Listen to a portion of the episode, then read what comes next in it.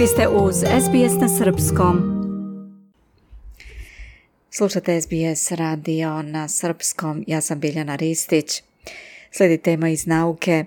Prema novim istraživanjima nekim pacijentima sa velikim depresivnim poremećajem mozak može da se promeni i to u roku od nekoliko nedelja ako im se pruži pravi tretman.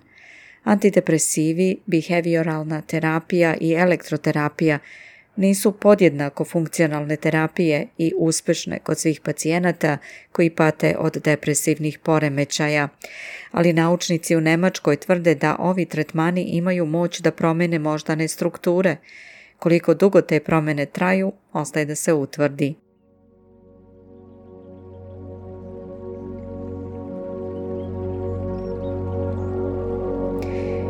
Regulisati negativne emocije i fiziološke reakcije na stres je često problem osoba koje doživljavaju depresivna stanja u tolikoj meri da doživljavaju kao opterećenje čak i uživanje u najprijatnijim aktivnostima u životu.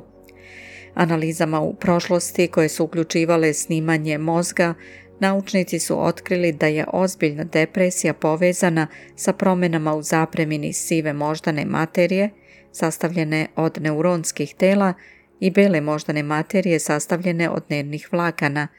Također da je depresija povezana sa povećanjem aktivnosti amigdalnog dela mozga, što utiče na emocionalna iskustva. Skupljanje hipokampusa, koji igra glavnu ulogu u dugoročnom učenju i pamćenju, i skupljanje bazalnih ganglija, što pomaže u procesuiranju emocija. Sa druge strane, depresivni poremećaji koji su otporni na tretmane lečenja su obeleženi promjenama u bazalnim ganglijama i režnju koji obrađuje senzorne informacije. Naučnici smatraju da ukoliko stvarno postoji jaka veza između strukture ljudskog mozga i funkcije depresije, da bi im to moglo znatno pomoći u poboljšanju dijagnoze i lečenja. U današnje vrijeme se istraživači međutim ne slažu oko toga da li je ova veza konsistentna ili dovoljno čvrsta da se na nju oslone. Grupa istraživača u Nemačkoj smatra da ta veza jeste dovoljna kako bi se mogla primijeniti u poboljšanju lečenja. Njihova nova studija predstavljena je na 35. godišnjem kongresu Evropskog koleđa za neuropsihofarmakologiju u Beču. Nalazi nagoveštavaju da su neke od strukturnih karakteristika mozga pronađene kod pacijenata sa depresivnim stanjima ublažene kada je lečenje antidepresivima bilo uspešno. Pre nego što su počeli sa metodama za lečenje depresije, 109 pacijenata sa ovim problemom je išlo na skeniranje mozga magnetnom rezolucijom. Zatim su pacijenti lečeni ili elektroterapijom, psihološkom terapijom ili antidepresivima ili kombinacijom svih terapija. Jača povezanost neurona uočena je posle svega šest nedelja.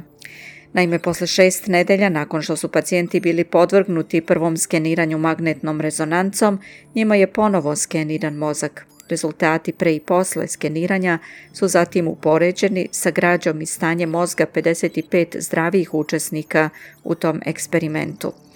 Na kraju autori studije su otkrili da pacijenti sa najvećim poboljšanjima simptoma također pokazuju najviše strukturnih promjena u mozgu.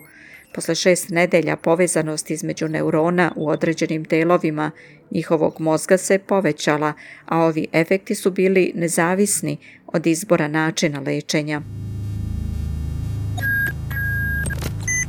Otkrili smo da je lečenje depresije promijenilo infrastrukturu mozga što je suprotno prethodnim očekivanjima. Lečeni pacijenti su pokazali veći broj veza nego što su pokazali pre lečenja. Šta više, oni koji su pokazali najveći odgovor na tretman razvili su veći broj novih veza od onih koji su pokazali mali odgovor. Drugo skeniranje koje pokazuje da nema vremenskih efekata u zdravim kontrolama podržava naše nalaze da vidimo nešto što je povezano sa bolešću i što je još važnije sa lečenjem ove bolesti. Otkrili smo da su se ove promjene dešavale u periodu od samo oko šest nedelja. Bili smo iznenađeni brzinom odgovora. Nemamo objašnjenje kako se te promjene dešavaju niti zašto bi se one dešavale sa tako različitim oblicima lečenja, rekao je vodeći istraživač tokom studije profesor prediktivne psihijatrije u Frankfurtu Jonathan Reple. Tokom ispitivanja istraživači su, kako navode, stekli utisak da je elektroterapija dala najveći učinak. Ipak ova metoda donosi i najviše neželjenih efekata, pa zato naučnici i dalje pokušavaju da pronađu najuspešniji režim tretmana. Naime, elektroterapija funkcioniše tako što propušta električnu struju kroz pacijentov mozak dok je pod opštom anestezijom, a u studijama na miševima čini se da terapija poboljšava komunikaciju između neurona u određenim delovima mozga. U stvari istraživači sa univerziteta John Hopkins nedavno su otkrili čak i nove moždane ćelije koje se razvijaju u hipokampusu miševa tretiranih ovom metodom. Studije među ljudima su pokazale slične rezultate. 2015. na primjer otkriveno je da elektroterapija formira moždane strukture nekih pacijenata sa depresivnim stanjima, preoblikujući neuronske veze u njihovom amigdalnom području i hipokampusu. U međuvremenu antidepresivi su povezani sa neurooporavkom u hipokampusu i prefrontalnom korteksu, a elektroterapije su povezane sa izmenjenom aktivacijom mozga u prefrontalnom korteksu i preku neusu što je povezano sa mentalnim slikama i pamćenjem. Uprkos tome što su zasnovani na dokazima, ovi tretmani depresije nisu uvek jednako efikasni, niti obavezno dovode do istih nivoa strukturnih promjena u mozgu kod svakog pacijenta.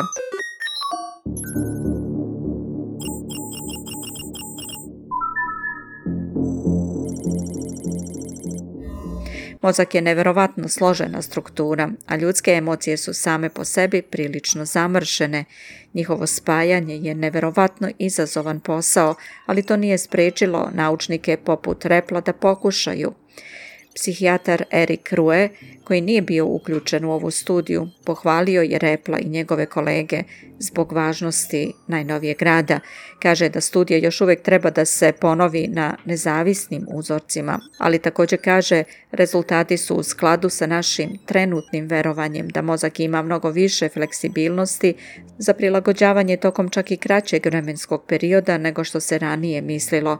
Komentarišući rezultate istraživanja, dr. Erik Rue sa Univerzitetskog medicinskog centra Rabdoud u Holandiji rekao je to znači da struktura mozga pacijenta sa ozbiljnom kliničkom depresijom nije tako fiksirana kao što smo mislili i možemo poboljšati strukturu mozga u kratkom vremenskom okviru od oko šest nedelja.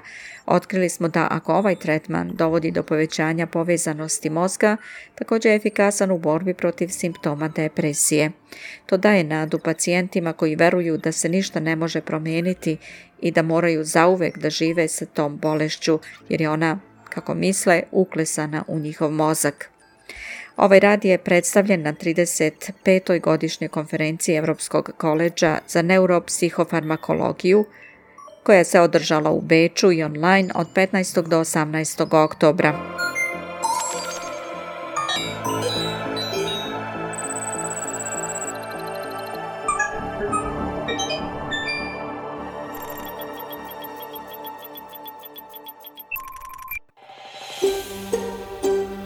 Želite da čujete još priča poput ove? Slušajte nas na Apple Podcast, Google Podcast, Spotify ili odakle god slušate podcast.